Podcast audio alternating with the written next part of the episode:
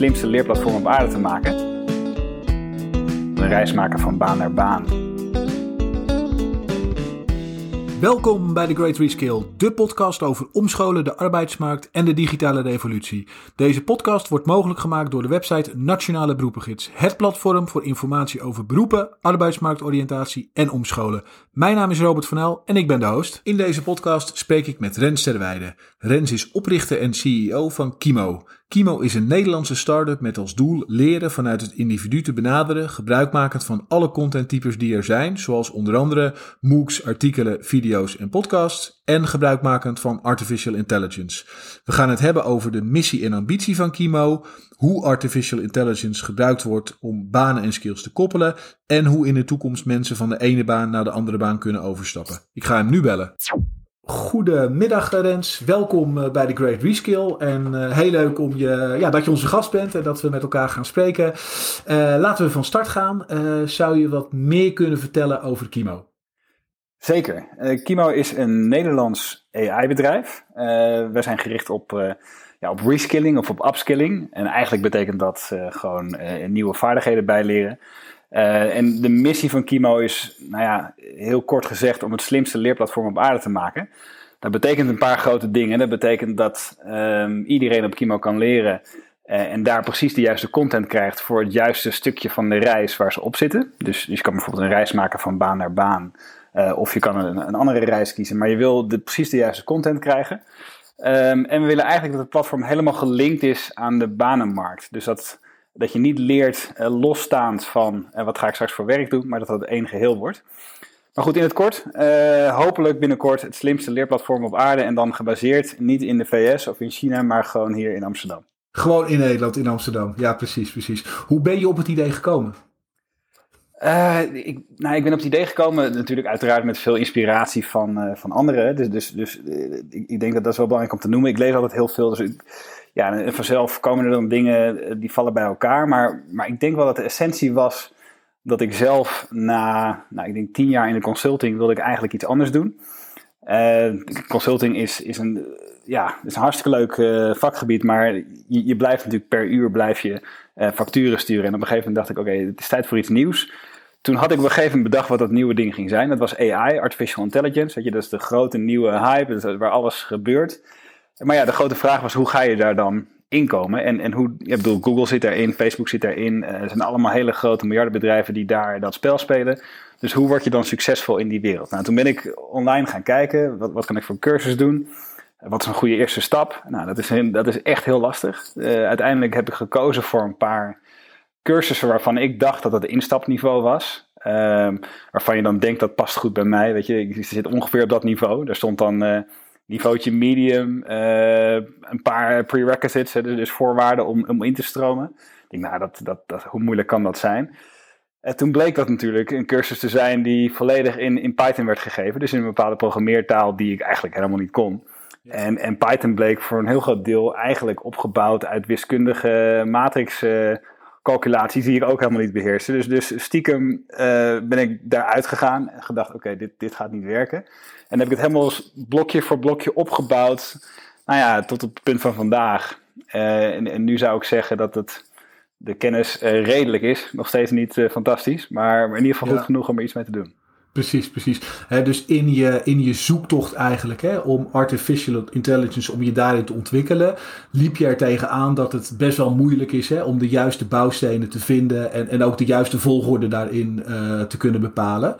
En, en, en dat heeft je tot, mede tot dit idee gebracht. Exact, eh, precies dat. Die, die zoektocht ja. van wat doe je nou wanneer en waarom. Uh, wat, wat, past op welk moment? Uh, wat, wat is überhaupt een overzicht van het domein wat je wil leren?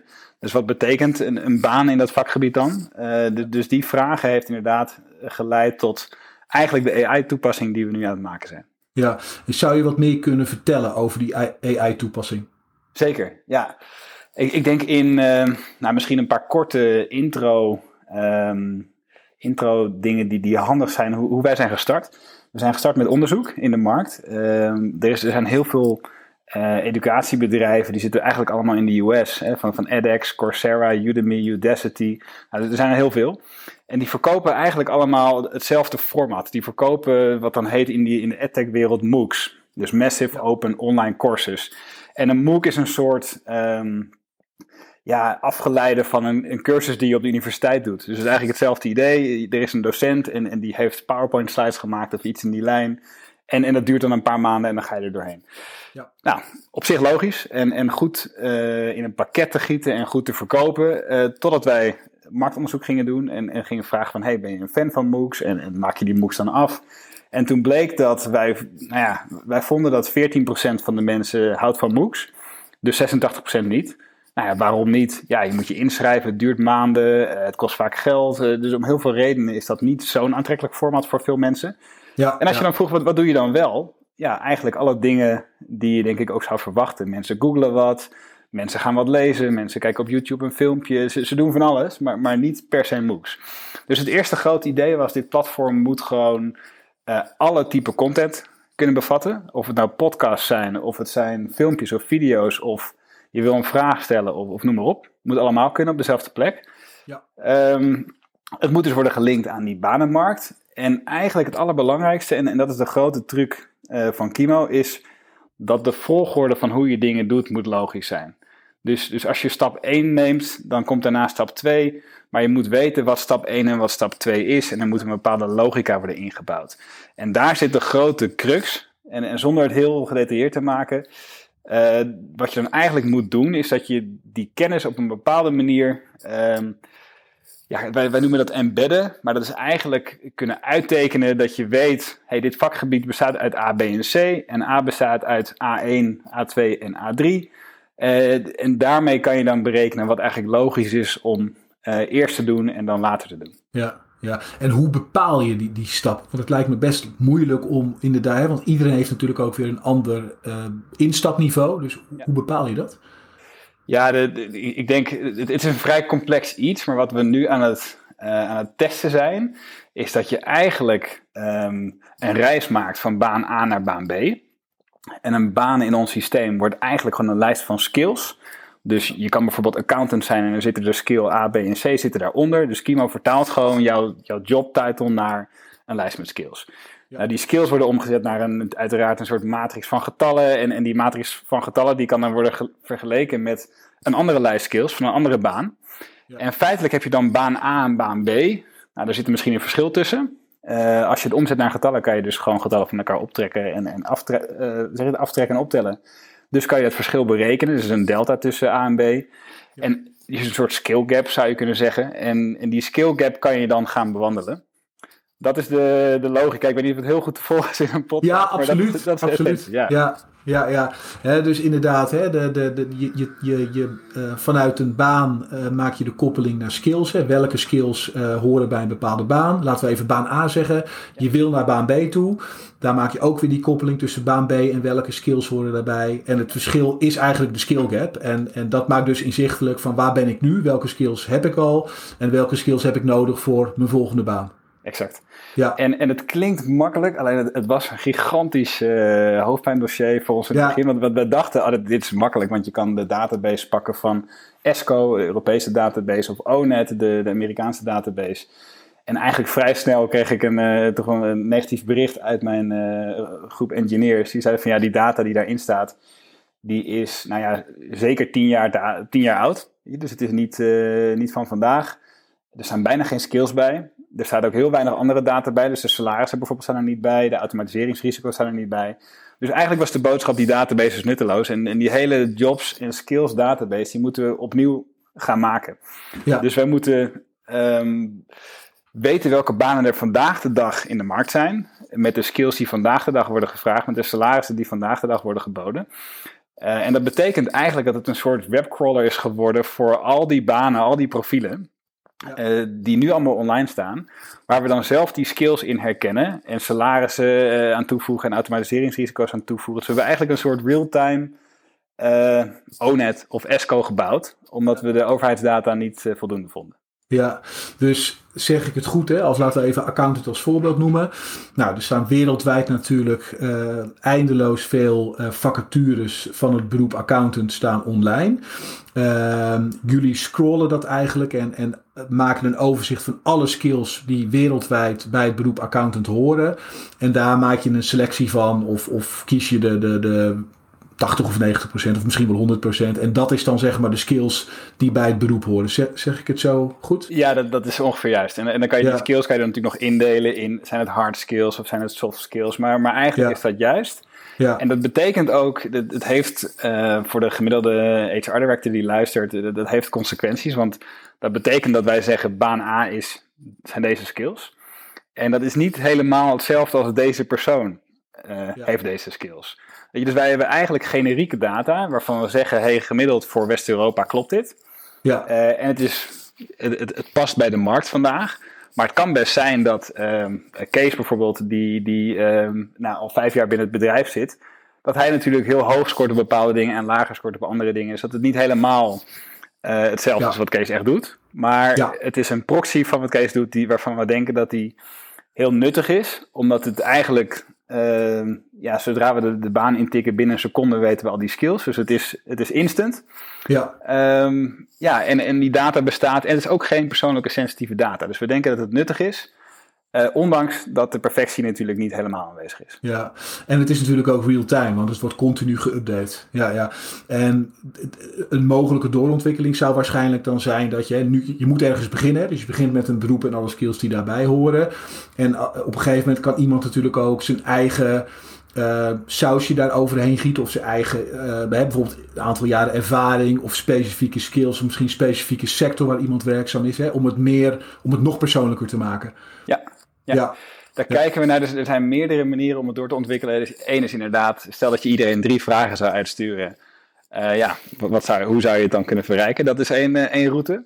Ja. Um, dus dat, dat, is één manier. Ik had nog een tweede die ik net... Um, Oh ja, een andere leuke waar, waar heel veel gebeurt is dat die skills ook worden gevalideerd.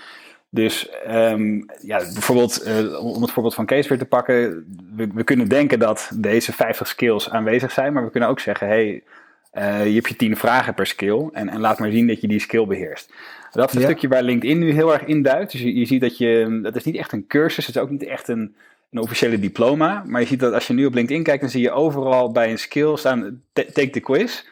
En dat betekent eigenlijk, hier heb je tien vragen voor die specifieke skill. Dus dat is, weet je, bijvoorbeeld programmeren in Python, dat is iets vrij specifieks. Dan krijg je tien vragen, als je 80% goed hebt, dan is dat een, eh, een gevalideerde skill. Die je inderdaad kan aantonen dat, je die, dat je die hebt.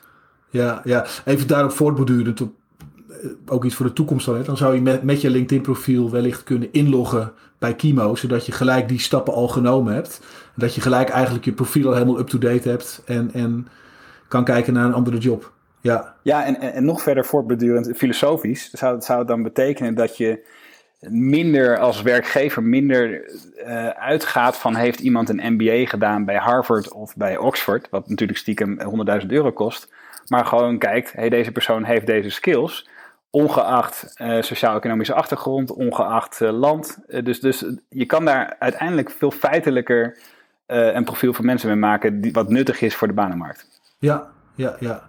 Heel interessant. Ik wil nog even terug naar de, de, de alle content uh, uh, typen die worden gebruikt. Hè. Je noemde al podcast, video's, uh, MOOCs, nou noem het maar op. Waar ik, waar ik benieuwd naar ben, hè, want er is natuurlijk ongelooflijk veel aanbod. ten eerste, hoe, hoe maak je een selectie van het aanbod? En ten tweede eigenlijk, als vervolg erop, hoe bepaal je de kwaliteit van, van het aanbod? Ja, ja, dat is een vraag waar, waar, ja, die, die bij ons altijd speelt. En dus er is, er is geen eenduidend antwoord op. Maar ik kan wel vertellen wat we nu doen. Dus we hebben de, de belangrijkste bronnen. De, de eerste keuze die, die ik dan in dit geval moet maken is welke bronnen nemen we mee. Je hebt een paar hele makkelijke. Ik denk dat heel veel mensen vinden Stanford, Harvard, MIT. Zet die er maar bij, want dat, die hebben een goede naam. Maar als je dan zegt, we zijn ook Breitbart, Breitbart erbij of uh, Fox News, dan, dan wordt het al wat, wat spannender natuurlijk. Dus je hebt een eerste lijst waarvan je gewoon wil dat die lijst uh, wordt vertrouwd in grote lijnen. Maar als je heel erg uitgaat van mensen moeten ook gratis kunnen leren, en dat, dat doen wij, dan kom je ook op bronnen uit zoals YouTube en, en Medium. Weet je, want heel veel filmpjes staan op YouTube en heel veel artikelen staan op Medium. Nou ja, en dan wordt het spannender. Dus wat wij doen is, uh, al die dingen zitten erin, alle zeg maar, trusted sources zoals MIT en Harvard zitten erin, maar ook de YouTubes en de Medium zitten erin. En we laten daar gewoon de, de, de sociale bewijslast die er is, likes of claps of, of alles wat er aanwezig is, laten we zien. Ehm, we geven mensen de ruimte om zelf te filteren. Dus je kan zelf aangeven in Kimo van hier heb je nou, zeg maar 10 miljoen uh, mogelijkheden. Maar je kan zelf zeggen ik wil alleen maar dingen van MIT of van Harvard. En misschien ook wel van sommige bedrijven, van Google en IBM vertrouw ik ook. Nou, daar zijn ook de meningen al over verschilt, of, of, verschillend, of je, of je die moet vertrouwen of niet. Maar ja, uh, dus het wordt heel snel wordt het een soort vertrouwenskwestie. Maar we, eigenlijk doen wij dat dus bijna niet. We geven mensen gewoon de ruimte om dat zelf te filteren met alle informatie die erover is. Uh, dus, en het, het liefst zoveel mogelijk uh, sociale bewijslast erbij. Nou, over tijd waar we heen gaan is dat je iedereen die iets heeft gelezen op Kimo, die krijgt daarna de vraag met drie smileys, hoe nuttig was dit um, okay. om dit te leren? Dus eigenlijk labelen users um, het nut van een artikel. Ja, en het nut dus is niet hetzelfde als, ja. als, als een like. Hè? Dat is belangrijk, Ja, want je, je kan natuurlijk iets liken, maar dat wil niet zeggen dat het echt nuttig is om iets te leren. Dus wij werken toe naar een systeem waar mensen echt op nut zeg maar, hebben gerate. Maar goed, dat duurt natuurlijk nog wel een, eh, een jaar voordat we daar echt eh, genoeg, genoeg bewijslast hebben. Ja, precies. Dat heeft tijd nodig. Maar dat, dat wordt met de tijd beter, omdat je natuurlijk. eh, eh, mensen geven dus, kunnen dus. Mensen kunnen eerst filteren. Dus be- bepalen eigenlijk zelf wat ze wel of niet willen vertrouwen. En de, de, de, de contenttypes die ze dan bekijken, dan kunnen ze dus aangeven in hoeverre ze dat wel of niet nuttig vinden. gezien het doel dat ze hebben qua leren. Ja, Ja, en, en, Ja. en, en om eerlijk te zijn, ik, ik vind dit stuk denk ik het meest boeiende stuk aan mijn baan vandaag de dag. Want het, het, het linkt rechtstreeks aan vertrouwen. Hè? Dus, Ja. En ik denk dat een paar jaar geleden, voor eh, de hele capital siege in, in de US en, en voor al die, die misinformatiecampagnes, dat dat misschien anders was geweest dan vandaag. ja. Maar nu krijg je vrij snel van mensen meteen feedback van ja, eh, dit is van IBM. Ja, en IBM verkoopt ook AI-toepassingen, dus ik vertrouw de informatie niet. Of ehm, ja, deze heeft misschien 5000 eh, likes op, of claps op Medium. Maar ja, eh, wie zegt dat die claps inderdaad echt claps zijn en niet zo gewoon zijn gekocht? Dus je, je voelt het wantrouwen in, in de maatschappij ten opzichte van online informatie. Dat, dat, dat voel je heel duidelijk bij ons. Ja. Ja, dus en de meest feitelijke manier om het te doen, dat we gewoon overal de, de data laten zien en dat je zelf kan filteren, dat hebben we nu gekozen. Maar ja, eh, ook daar kan je kritisch op zijn, want er zijn bijvoorbeeld geen expert curated lists, wat sommige partijen doen. Dat je zegt, wij hebben de, de, nou ja, de expert in het domein gevraagd om een lijstje te maken van vijf artikelen, dat doen we dus niet. Hm, ja, ja. Ja, ik denk zoals, jullie, als, zoals ik hoorde jullie het nu doen. Hè, dus dat je eerst de, de user zelf de mogelijkheid geeft om een keuze te maken. En vervolgens eh, eh, dat de user feedback kan geven. Ja, ik denk dat dat wel op die manier goed geborgd is. Ja, ja. Het, het is volgens mij op lange termijn is het de route. Maar, maar je, je vertrouwt dan nog steeds wel op de.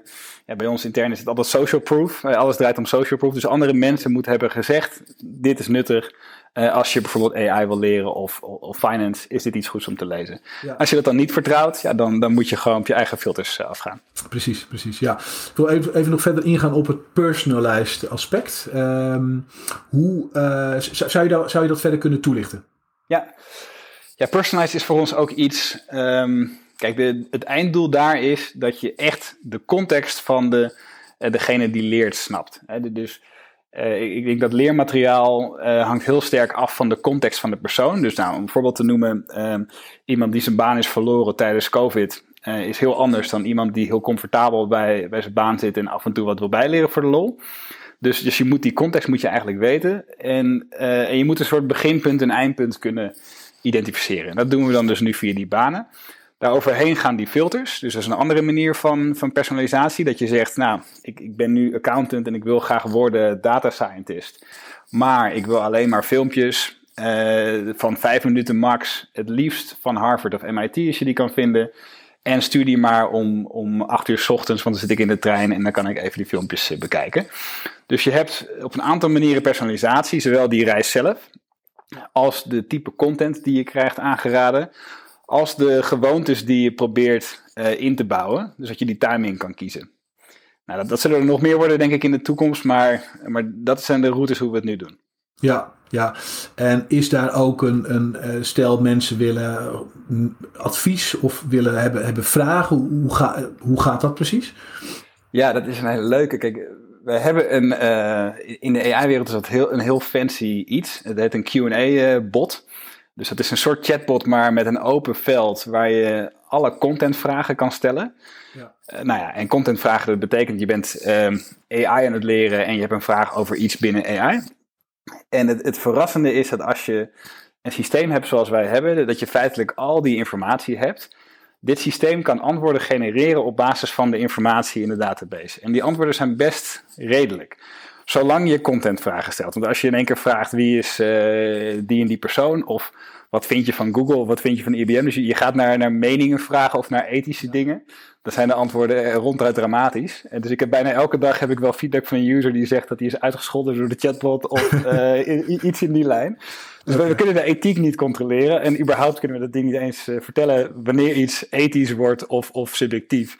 Ja. Maar zolang je een vraag stelt over de content, krijg je vrij goede antwoorden. Dus dat betekent dat als je dingen aan het leren bent, bijvoorbeeld over een, uh, een neuraal netwerk, en je zegt: hé, hey, wat is een neuraal netwerk? Hoe werkt het? Dan, dan geeft hij je best wel goede begeleiding. Ja. Dat is niet hetzelfde als uh, emotionele coaching of emotionele begeleiding of, of zelfvertrouwen. Het is echt puur contentgericht. Ja. Dus dat is, het, wat het, dat is wat het nu is. Um, wellicht dat we in de toekomst dat nog gaan uitbreiden, ook met een soort expertnetwerk of met coaches. Maar voorlopig is het een en al AI. Dus dat betekent dat als je een vraag stelt, krijg je ook een antwoord wat letterlijk wordt gegenereerd uh, via een AI-model. Wat zijn de ambities uh, die jullie hebben? Ja, de ambities zijn, zijn natuurlijk groot. Kijk, sowieso willen we in, uh, in Amsterdam het, het, grote, volgen, het volgende grote echte AI-gedreven leerplatform bouwen. Dus ja. leuk dat edX er is, leuk dat Coursera er is en, en Udemy, et cetera. Maar de volgende moet in Europa staan en het liefst in Nederland. Dus, ja. dus dat is de eerste ambitie om het in Nederland te houden. Uh, al hebben we users over de hele wereld. Hè, dus nu is het al zo dat we eigenlijk... De Nederlandse markt is voor ons niet zo interessant. Maar Azië, maar ook de US zijn, zijn veel, uh, veel boeiender.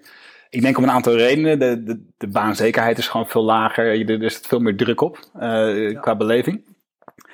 Uh, maar, maar het hoofdkwartier van het bedrijf moet gewoon in Nederland staan. Nou, we, we, hebben nu 10.000 gebruikers. Ik denk komende week 20.000. En ik wil in juni tussen de 50 en 100.000 gebruikers. En dan ergens komend jaar over de miljoen heen gaan.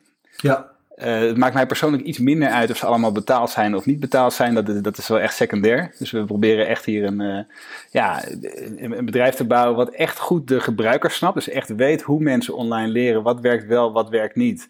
Uh, eerst dat helemaal kraken, zodat ze het inderdaad de moeite waard vinden. Want die online leerplatformen hebben allemaal een gigantische drop-out. Dus de gemiddelde cursus heeft een 95% drop-out. Nou, dat, dat kan niet uh, in, in, deze fase. Dus we proberen echt te kraken dat we, dat we echt snappen wat mensen eigenlijk doen. En wat goed werkt en wat niet goed werkt. En wanneer ze uitvallen. Ja. Ja. Uh, dus dat is de prioriteit. Dat betekent ja. eerst heel veel users. En op een gegeven moment natuurlijk ook, uh, ook geld verdienen aan users. Dat moet als bedrijf. Ja. Ja. Maar is wel secundair. Ja, dus wat dat betreft, de, wereld is, is, is, het, is het speelveld. Hè? Niet, zeker niet beperkt tot, tot Nederland.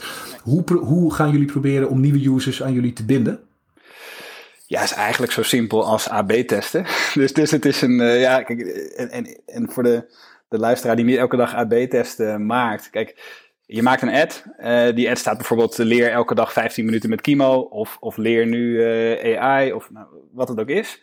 En die run je en dan zie je wat, uh, wat daar het succes van is. Nou, dit, dit is een, een hele aparte business waar dat op hele grote schaal gebeurt in elk land. Dus je krijgt vanzelf een dag later te horen: hey, in, uh, in Delhi in India is dit het verhaal. En in uh, New York in de US is dat het verhaal. Ja, ja wat wil je doen? Uh, ja. dus, dus zo. Het is, het is vrij data gedreven. Met, we hebben gewoon een real-time dashboard voor het hele team. Iedereen ziet alles. Dat betekent dat, ze, dat je, ja, er zitten allemaal slimme mensen naar te kijken, dat, dat heel vaak worden die keuzes, ja, het, het, klinkt heel strategisch, maar heel vaak zijn het eigenlijk de rationele keuzes op basis van wat je terugkrijgt van de testen.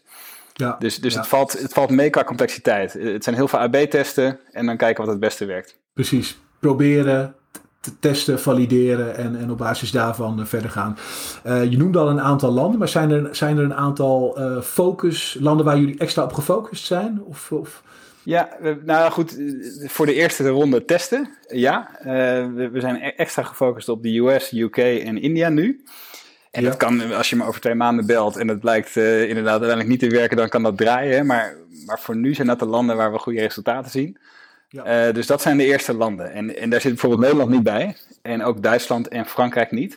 En dat, ja, dat, dat steekt mij persoonlijk wel een beetje, maar, maar Europa is vrij lastig als markt. Kijk, sowieso kan je niet dezelfde campagnes draaien in Duitsland als in Frankrijk. Uh, taal maakt ook veel uit in Europa. Ja. Uh, in Nederland is onze beleving dat mensen vaak best wel comfortabel zijn. Dus, dus zelfs, nou ja, zelfs als ze denken, misschien verlies ik mijn baan, dan zitten mensen er vrij ontspannen in. Terwijl dat in andere landen wat minder is. Dus de druk is hier uh, in ieder geval subjectief gezien vrij laag. Dus het, het is, Europa is niet zo'n hele makkelijke markt voor ons. En, en die Engelstalige landen en ook Azië is, ja, voorlopig is het beter. Ja, precies, precies. Ja, ja. Uh, waar denk je dat uh, Kimo staat over vijf jaar? Ik denk dat Kimo over vijf jaar een van de um, meer succesvolle AI-bedrijven is in Nederland. Um, ik, ik denk dat we tegen die tijd al een tijdje die banenmarkt heel goed in kaart hebben kunnen brengen. Dus ik verwacht dat daar ook consequenties aan gaat zitten voor ze ook, ook, ook gewoon uh, policies, dus gewoon, gewoon politieke consequenties aan gaat zitten. We, hebben nu bijvoorbeeld al gesprekken met het World Economic Forum over hoe we dat doen. Uh, want uiteindelijk leunen heel veel partijen leunen nog op vrij oude data die, die heel moeilijk uh, aan te passen is. En ik denk dat we dat gaan kraken. En dat daar uiteindelijk veel consequenties aan gaat zitten, gaan zitten. Ik, ik denk dat hetzelfde gaat gebeuren met kennisplotten. Dus los van die banenmarkt Kijk, uiteindelijk, hoe wij naar, naar professoren kijken en ook naar sommige docenten, is dat zijn mensen die het eerder hebben gedaan. Dus die kunnen naar een kennisdomein kijken en dan zeggen: hé, hey, het bestaat uit uh, A, B en C en A bestaat dan weer uit A1, A2, A3. Maar hoe zou de wereld zijn als dat niet nodig is? Omdat je aan een AI-systeem kan vragen: wil je naar het domein finance kijken of uh, blockchain? En wil je uitrekenen hoe het nu op het web staat en daar het beste overzicht voor creëren? Ja. Uh, dat hebben we dan ook gekraakt. En dat betekent, denk ik, dat, um, ja, dat, dat het minder, misschien minder waardevol wordt om een hele dure professor te zoeken. Omdat je heel veel van die basisdingen, van wat moet je eigenlijk allemaal weten, wat zit er allemaal in, welke gradaties kan je halen per onderdeel, die zijn allemaal gewoon in één keer beschikbaar. Dus ik denk dat daar wel een, een shift gaat komen, zowel qua uh, hoe, hoe maak je politieke keuzes als in hoe geef je les.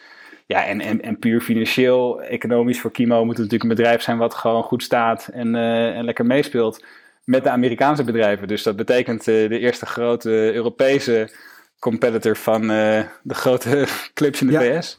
Ja. Dat, is een mooi, dat is een mooi streven. En ook echt bottom-up, hè, wat je net aangeeft. Hè? Dus niet de professor die het vertelt hoe het zit, maar echt bottom-up. Wat gebeurt er nu real-time op het web en, en welke analyses kunnen we daaruit halen? Ja, ja. Ja dus alles is bottom-up.